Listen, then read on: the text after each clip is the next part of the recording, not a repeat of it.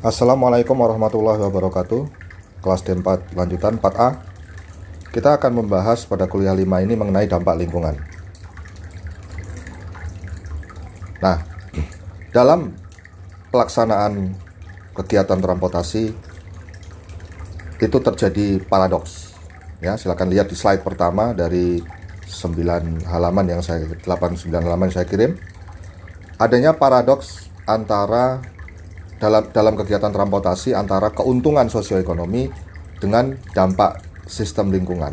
Nah, ini merupakan salah satu kajian yang komprehensif di mana faktor dampak untuk sistem lingkungannya itu juga dipertimbangkan.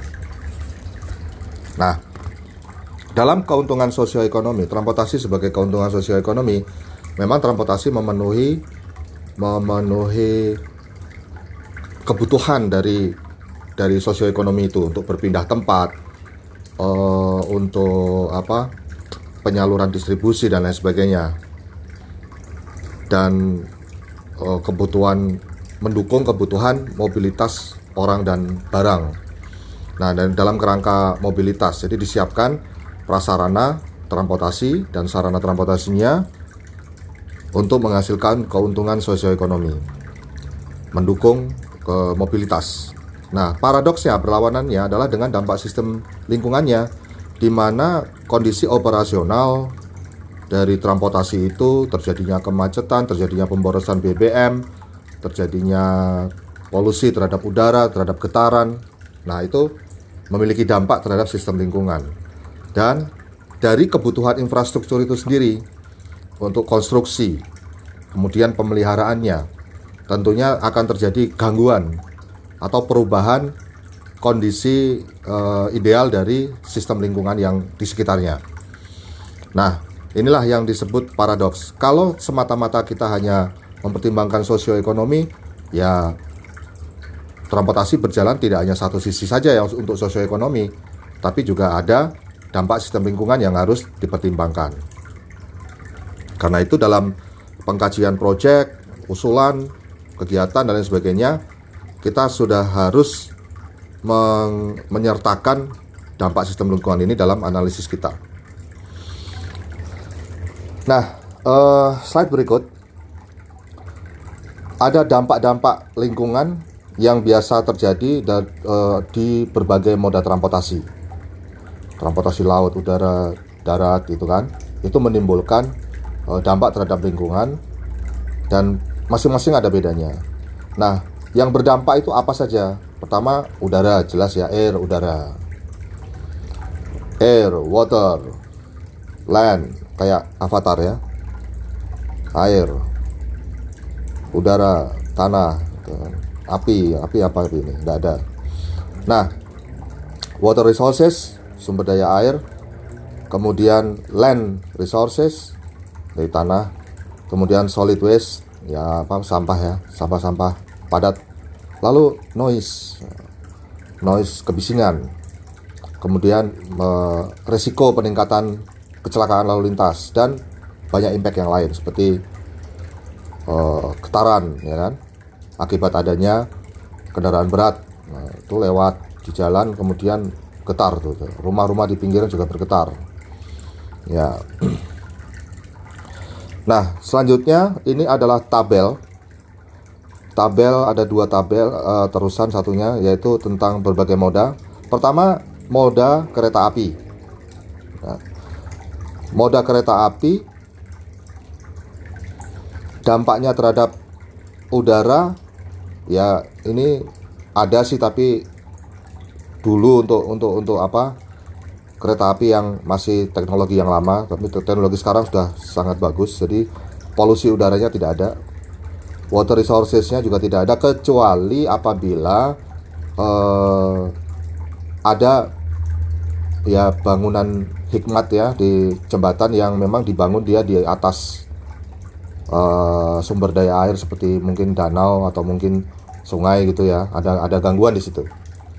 Nah kemudian land resources, nah ini kalau rel itu memang dia uh, kebutuhan tanahnya juga besar, right of way-nya besar. Uh, untuk untuk apa? uh, ya pengembangannya ya kan keselamatannya dan kemudian pembangunan uh, stasiun ya. Nah itu di situ banyak banget uh, memang dibutuhkan. Dan ibarat kata itu kalau Pulau Jawa itu sekarang sudah berkalung baja. Ya, karena jaringan relnya udah dari barat ke timur sisi utara sisi selatan sebagian kan gitu kan jadi seperti Pulau Jawa ini udah kalungan berkalung baja, besi baja. Nah, kemudian uh, solid waste. Uh, jadi ya ini kalau di rel itu ya rel-rel yang udah tidak dipakai, seperti itu ya. Udah tidak dipakai, tidak bisa uh, abandon, simpan atau mungkin apa penanganannya ini yang bisa menjadi uh, polutan. Kemudian equipment and rolling stock. Ya, peralatan-peralatan sama uh, apa tuh uh, lokomotif itu ya rolling stock lokomotif dengan ini ya lengkap dan kemudian nah ini kalau berisik ya suara polusi suara noise kemudian vibration jelas getaran di sekitar terjadi di sekitar stasiun dan di sepanjang jalur line uh, jalur rel tersebut. Nah, jadi getaran itu juga bisa apa mempengaruhi uh, orang secara kejiwaan ya karena kaget ya kan. Itu dari mulai suara gemuruh dalam kecepatan 80 100 itu ya udah gemuruhnya luar biasa. Kemudian tiba-tiba dia karena cepat ya dia mendekat tahu-tahu dia uh, membunyikan uh, ini apa ya di semboyan 35 itu ngok gitu kan. Wah itu membuat kaget itu. Nah bisa jadi orang mungkin trauma apalagi jarak dia berdiri misalnya di, di, di stasiun kelas 3 gitu ya. Di jarak-jarak dia berdiri kan nggak hanya hanya dibikin jalur kuning gitu doang kan. Nah, dia mungkin nggak perhatian di situ lagi ngelamun atau lagi apa. Tahu-tahu ngwek lewat wur wah itu bisa trauma dia nah cuma sayangnya kok nggak ada yang meneliti kayak gini gitu loh padahal udah lama tak pancing-pancing untuk meneliti hal ini nggak ada yang bikin Oke, terus uh, accident risk. Ya jelas uh, ini ya le lepas dari rel ya, itu kan tabrakan. Kemudian uh, apa? Apabila sedang mengangkut material yang beracun ya berbahaya, nah itu berbahayanya ada di situ ya, ada permasalahan di situ. Apalagi untuk pengangkutan barang kan dia dapat jatahnya kecil banget ya dari KPK itu. Karena sebagian besar udah kemakan sama jatahnya lalu lintas untuk orang. Nah e, untuk impact yang lain jadi dia e, merubah ya merubah membagi bahkan mungkin merusak ya tatanan kehidupan masa apa kampung ya seperti itu ataupun pertanian dan mungkin juga hutan ya karena di sana banyak uh, apa binatang-binatang yang biasa liar tapi kemudian harus dibangun jalur kereta api itu sangat akan sangat berubah. Nah, nilai noise, nilai abandoned lines, vibration, kemudian derailment, kerugian-kerugian ekonominya apa segala macam ini bisa dikuantifikasi. Nah, inilah ini penting uh, di sini uh, memberikan tanda, memberikan hal-hal yang perlu untuk dilakukan pendalaman. Itulah untuk kereta api, untuk road, untuk jalan. Maka, wah ini banyak banget ya. E, polusi udaranya itu meliputi apa? CO, CH, CXHY, CXHY NOx. Kemudian tambahan-tambahan untuk ini untuk bahan bakar biar bahan bakarnya apa tuh e, bagus ya. Apanya oktannya tinggi dan lain sebagainya ya kan? Nah ini nanti akan menimbulkan partikel-partikel yang beracun juga. Itu secara lokal. Kalau secara global ya untuk transportasi darat ini dia menciptakan banyak CO2 klorofluorokarbon juga yang nanti akan merusak ozon di atas sana gitu ya. Jadi memang ancamannya dari bawah naik ke atas itu ya sangat serius. Kemudian untuk water resources polusi yang terjadi di permukaan. Jadi ini kan eh, partikel-partikel itu kemudian dia akan eh, mengambang ya di permukaan air, apakah itu danau, sungai dan lain sebagainya. Dan juga dia juga bisa mempengaruhi air bawah tanah. Itu karena dia merembes itu ya. Ada ada sesuatu yang membuat partikel-partikel itu itu ikut-ikut merembes ke, ke bawah dan mencemari ground groundwater. Nah, kemudian juga terjadi modification, modifikasi dari sistem pengairan dengan adanya pembangunan jalan. Ya, tentunya berpengaruh juga ya sama sisi-sisi jalannya. Kalau di situ ada pipa, ada saluran ini ya untuk untuk PDAM misalnya atau apa ya terpaksa harus disesuaikan itu. Dan ini terkait dengan land resources atau penggunaan lahannya di sini yang jelas memang dia hampir sama dengan kereta api jalur itu dia butuh butuh right of way yang cukup besar kemudian eh, pada saat development itu juga butuh material yang cukup banyak ya kan? Sehingga pada masa konstruksi itu udah jelas-jelas lah ada itu eh, sangat merusak lingkungan saat itu. Nah lalu untuk solid waste. Nah, di sini juga aspal-aspal terus kemudian macam-macam dari dari ini ya, sisa-sisa dari uh, pekerjaan pembangunan jalan. Dan kemudian uh, oli minyak yang tercacar di jalan. Kemudian juga ya bekas bekas-bekas ini ya. Bekas-bekas apa? uh, kendaraan yang mungkin udah tinggal besi-besi tua gitu ya itu juga menjadi sampah di STD kan ada tuh yang di belakang itu ada chassis ya. Chassis truk kali ya. Ya udah di diongrokkan gitu aja. Kapan itu saya lihat oh masya Allah kok kayak gini kan? Nah itu bukti nyata bahwa sampah dari transportasi jalan. Lalu kebisingan. Oke. Okay. untuk kebisingan itu berasal dari kendaraan. Noise and vibration ya vibration dimasukkan dalam kategori uh, pendalaman kebisingan.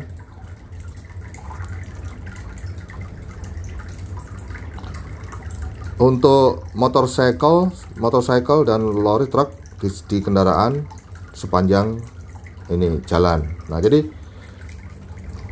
kendaraan itu dia berjalan kemudian terjadilah uh, suara. Suara dulu ya nah untuk suara ini polusi suara ini uh, pengalaman saya waktu saya nyusun skripsi waktu D4 jadi saya membuat kan memang ada pemod, ada model model uh, menghitung kebisingan dari Inggris ya kan?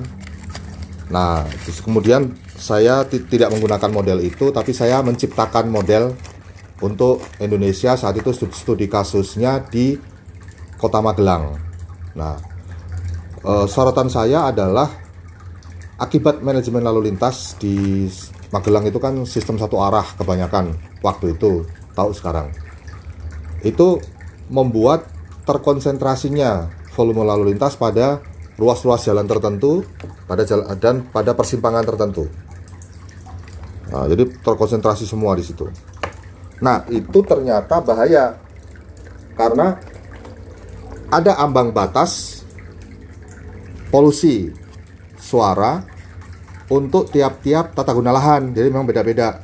Kalau perkantoran agak bising mungkin mereka masih bisa terima karena kebanyakan sifatnya mereka juga bekerja dan bukan istirahat ya kalau di kantor kemudian juga bangunannya umumnya dia lebih lebih tebal temboknya kemudian juga tertutup ya jadi agak ini standar desibelnya yang bisa diterima agak tinggi standarisasinya tapi kalau untuk rumah tinggal itu ya memang uh, harus harus ini harus apa uh, sunyi ya harus sunyi gitu kan. Nah makanya kalau ada orang tinggal di jalan arteri sekarang ini ya ya lucu ya. Barangkali mereka juga nggak ini ya nggak nyaman loh sebenarnya. Mungkin lagi ngobrol by phone atau ketemu teman di, di luar rumah aja sudah udah pasti ke, kebisingannya sangat tinggi gitu loh. Nah, kalau di dalam juga sudah agak berkurang tapi saya pikir tetap juga masih tinggi. Karena saya pernah punya rumah waktu itu di Semarang tuh kebetulan bukan jalan besar sih di depan tapi uh, jalan termasuk jalan utama perumahan. Jadi segala uh, apa jenis kendaraan tuh lewatnya situ itu wah itu nggak nyaman banget ngobrol di rumah apalagi di depan rumah. Wah itu. Nah di Inggris sudah ada besarannya besaran-besarannya itu dari LQ sekian sekian sekian dengan rumus seperti regresi gitu ya log log regression juga. Nah kemudian saya membuat apabila terjadi penumpukan volume lalu lintas itu nanti akan menghasilkan desibel berapa saya modelkan untuk kota Magelang. Nah, kesimpulan studi saya waktu itu SSA itu mem memacu eh, apa kondisi kebisingan itu menjadi polusi yang di luar standar di atas standar sehingga terjadi permasalahan. Walaupun umumnya dia memang kategorinya daerah pertokoan tapi kan atau perkantoran di tempat kita ini kan mixed ya mixed land use. Nah permasalahannya ada di situ. Ada lima toko iya tapi ada ada satu rumah. Nah di rumah itu sangat tidak sehat gitu. Dan kemudian toko itu sendiri kan juga sering kali kan e, terbuka ya sehingga noise itu nggak nggak ada barriernya lagi langsung masuk to masuk ke dalam toko nah, itu berbahaya buat pendengaran dari para pekerja di toko itu nah akhirnya saya menemukan e, noise itu kemudian saya membuat tatanan manajemen rekayasa lalu lintasnya memperhatikan noise. Cari skenario yang noise-nya paling rendah. Nah, itu. Akhirnya Magelang harus seperti ini, jalan ini harus ini itu. Pada umumnya dua arah akan menjadi lebih baik. Selain itu memang juga pilihannya juga lebih banyak gitu kan. Nah, kemudian untuk sepeda motor ya sepeda motor dan truk juga ini juga menjadi permasalahan juga sepeda motor uh, bunyi knalpotnya juga sering kali juga uh, di atas standar kemudian klakson-klakson dari bus truk apa? Telolet telolet itu ya itu kan luar biasa tuh itu kenceng banget itu. Nah kemudian accident risk. Accident risk untuk road transportation ini memang sangat banyak ya. Dari kematian, kemudian luka berat, kerusakan apa properti, lalu biasa hampir sama dengan ap apabila uh, apa ada kendaraan yang yang dia memang mengangkut B3 tuh seperti itu.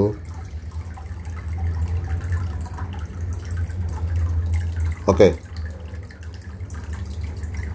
Nah ini selanjutnya other impactnya adalah oh sama dengan kereta api ya. Congestion tambahan tambahan congestion. Congestionnya ini ini ini jadi masalah global.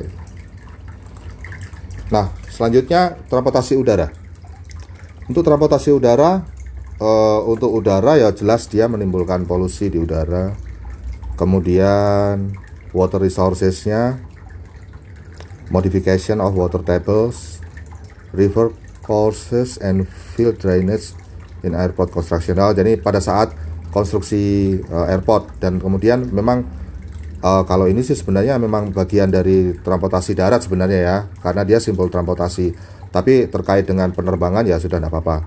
Sehingga pada saat uh, isu yang paling paling besar ini ya saat pembangunan uh, airport. Land resources jelas ini kalau bandara butuh tanah besar banget ya. Itu dan apa lingkungan bisa bisa berubah bisa terganggu banget gitu ya kemudian solid waste solid waste nya juga pesawat-pesawat bekas nah ini bagaimana konsep pemusnahan solid waste nya untuk pesawat-pesawat bekas ini ya ini masih kita masih belum tahu lagi menarik juga untuk didalami ya noise jelas banget noise around airport dan mungkin banyak Eh, rumah-rumah di yang persis dekat banget dengan runway gitu ya. Nah itu sebenarnya mereka menderita hidup di situ. Suara bisingnya luar biasa. Nah kemudian other impactsnya adalah congestion on access routes to airport. Nah, ini. Oke, untuk marine and inland water uh, tidak menimbulkan polusi udara, tapi untuk water resourcesnya ya pada saat modifikasi terjadi pada saat konstruksi dari pelabuhan, kanal, uh, pengerukan dan lain sebagainya. Nah, kemudian untuk uh, land resourcesnya land taken for infrastructure jelas ini ya untuk pelabuhan dermaga banyak membutuhkan lahan. Nah seperti itu juga termasuk untuk fasilitas-fasilitas pengembangan perusahaan apa eh, pelabuhan gitu kan kanal juga. Solid waste nya ya ini kapal-kapal bekas yang udah nggak udah, udah tidak melayani lagi. Dan accident risk. Nah itu pada saat apa bulk tahu bulk ya bulk itu uh, seperti apa tampungan besar. Jadi kapal yang didesain dengan bulk tampungan besar gitu kan, yang berisi macam-macam, tapi pada saat dia membawa bahan beracun ya tentunya itu sangat berbahaya. Nah, itulah masing-masing semuanya bisa ada cara menghitungnya. Nah, kalau noise saya tadi sudah sampaikan noise, kemudian uh, vibration getaran seperti apa, ya itu juga ada air pollution jelas semua ada modelingnya nah uh, saya tunjukkan ini ada data atmospheric pollution di slide number 6 atmospheric pollution itu ada fuel additive emission jadi emisi dari campuran-campuran di dalam uh, apa bahan bakar ya, supaya lebih bagus itu tadi.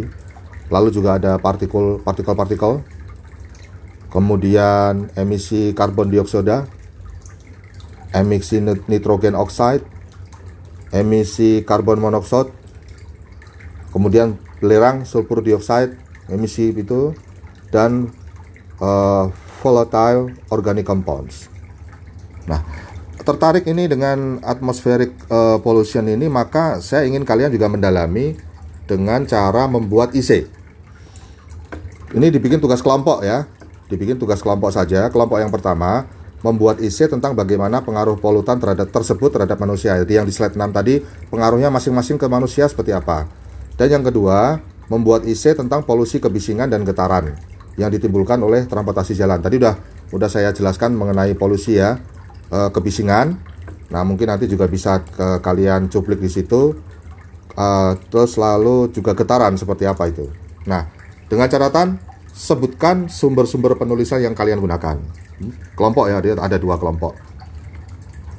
Oke. Nah, sekarang kita meninjau opsi kebijakan terkait dengan uh, apa polusi ini tadi ya. Ada beberapa area. Yang pertama meliput uh, adalah vehicle standard.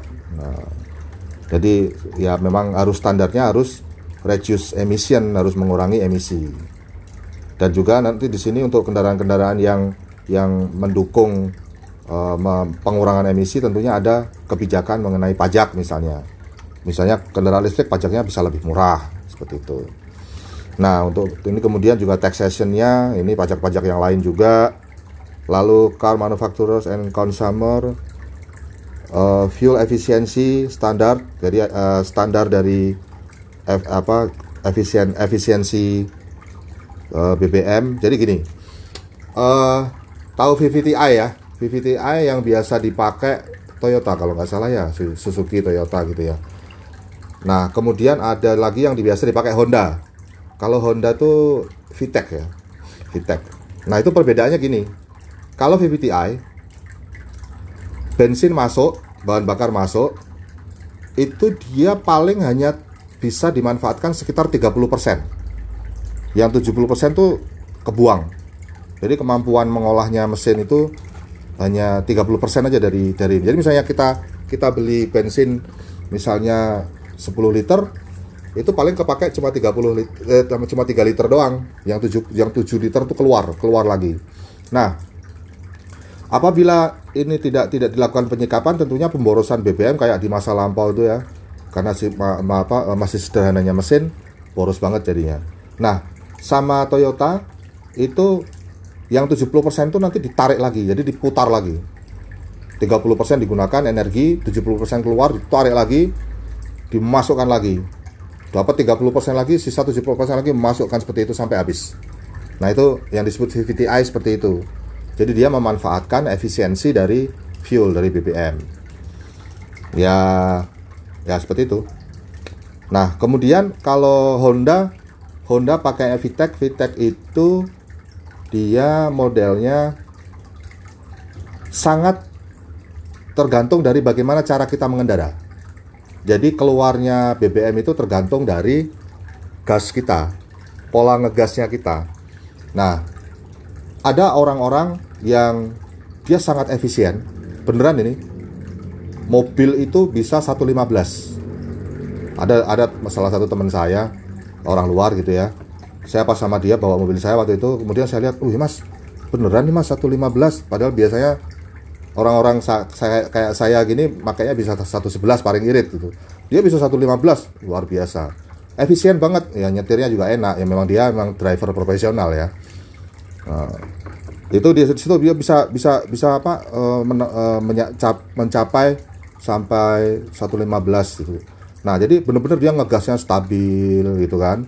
Ya uh, kalau mau lebih tahu lagi tentunya ada eco driving itu kan seperti apa ya kan? Penggunaan gas rem segala macam tuh. Nah kemudian uh, faktor yang lain dari manufaktur ini catalytic converters jadi uh, converter converter dari mungkin dari uh, apa? Uh, dari BBM ke gas gitu ya. Kemudian extension of MOT MOT itu Ministry of Transportation Testing jadi uh, lebih ini ya lebih lebih detail lagi kemudian pembatasan kecepatan. Nah, ini sangat sangat berpengaruh bagi uh, kebijakan untuk pengendalian kebis uh, polusi. Lalu untuk heavy diesel vehicle yang jelas harus ada kontrol terhadap pergerakan truk di uh, uh, urban area. Nah, dulu ada jaringan lintas didefinisikan jelas. Di situlah uh, kita bisa fokus untuk pengembangan tatanan truk-truk itu. Untuk masuk dalam kota atau di luar kota seperti apa mungkin masuk jalan lingkar seperti apa jam berapa dan lain sebagainya advisory route-nya mana mandatory route-nya mana. Nah ini bisa masih bisa di tapi sekarang uh, untuk undang-undang kita dan PP dan dan ke bawahnya itu tidak secara detail masih ada disebutkan jaringan lintas tapi dia tidak detail, sedetail aturan dalam undang-undang uh, 1492 dan perangkatnya nah Kemudian ini juga extension of MOT testing and increase the frequency of roadside test. Ya jadi lebih ini apa sidak-sidak uh, uh, di jalan tuh dilakukan ini ya, untuk apa? Untuk menentu, apa mengukur gitu ya untuk polusi dari truk-truk itu. Standards on particulate emission jelas dari pengujian. Kemudian US style restriction. Hmm. Untuk road planning. Oh sorry sorry. US style restriction itu gini. Uh, Amerika adalah negara yang memanfaatkan luas darat luas daratannya. Jadi mereka uh, eh, dimanfaatkan secara efektif. Otomatis banyak dengan banyak negara serikat juga perkembangan kota dan lain sebagainya jalan dibangun motor motor apa uh, motorized city ya modelnya Amerika itu semua warganya dibiasakan pakai mobil, mobilnya juga cc-nya besar-besar dan dimanjakan banget lah sampai pada masanya Ronald Reagan itu dia kan orang dari Partai Republik ya. Pada umumnya kalau dari Partai Republik itu menguasai lagi jadi presiden, Amerika tuh kuat-kuatnya banget dan demen perang. Tapi kalau dari Demokrat nggak, cuma ekonomi ya biasa-biasa saja dan kecenderungannya pertahanan Amerika lemah pada saat Demokrat. Nah, kalau dari Republik ini kan Trump ini kan Republik juga, Republikan juga tuh. Nah, kita tahu sendiri kan, dunia sampai di edel-edel kayak gini. Nah itu memang waktu zaman Ronald Reagan itu masyarakat dimanjakan oh, memproduksi kendaraan juga yang cc-nya besar, ya kan. Oh, terus kemudian jalan, jalan tol di mana-mana, pengembangan jaringan jalan ke mana-mana luar biasa daerahnya luas isinya jalan tok. Nah, setelah eranya Reagan dan lain sebagainya tak lepas juga tapi dari dari dari apa dari politik ya dianggap bahwa Amerika saat itu sedang SOS masalah minyak bahan bakar. Ya itu akhirnya nyaplok-nyaplok negara teluk itu. Negara-negara Arab itu kan memang ya memang tidak boleh rukun gitu. Semua di apa? Dibikin kacau terus itu. Makanya uh, untuk, untuk siapa ya supaya Amerika bisa menguasai minyaknya. Nah, cuma kalau seperti itu terus kan juga Ya, tapi gimana ya, memang Amerika tuh kalau ada perang dia malah duitnya makin banyak, ya, karena senjatanya beli sama mereka. Jadi perang itu sumbangan salah satu sumbangan keuangan negara bahkan mungkin sampai 25% penghasilan negara loh. Serem ya. Oke, nah itu itulah ya, akhirnya negara-negara lain juga jangan ngikuti jangan ngikuti Amerika, boros. Pemakaian BBM boros, mobilnya CC besar, luar biasa lah jalan di mana-mana sehingga orang memacu orang pakai sana itu kalau anak-anak uh, mahasiswa-mahasiswa itu wisata itu ya mereka seneng pakai mobil gitu dari pantai barat ke pantai timur dari pantai timur ke pantai barat itu nanti di tengah-tengah di Texas dan lain sebagainya mereka bikin bikin ini ya bikin acara-acara sendiri gitu kan jadi seneng seneng nyetir memang orang-orang Amerika itu ya untuk berikutnya adalah road planning di mana ada red routes. Ya, red routes itu for cycling untuk sepeda, ya kan? Uh, memperbanyak penggunaan sepeda. Tapi ingat, uh, kalau merencanakan jalur sepeda itu juga harus berpikir di jalan yang kecepatannya itu rata-rata 40 km per jam misalnya. Kemudian dibikin lajur khusus untuk pesepeda. Di jalan itu juga mungkin sebelah kiri Nah, itu sangat beresiko terhadap keselamatan mereka. Jadi jalur sepeda itu tidak boleh berada sebidang dengan kecepatan yang jauh lebih tinggi. Dengan polanya kendaraannya kan besi gitu kan. Tidak boleh, karena dia lemah banget.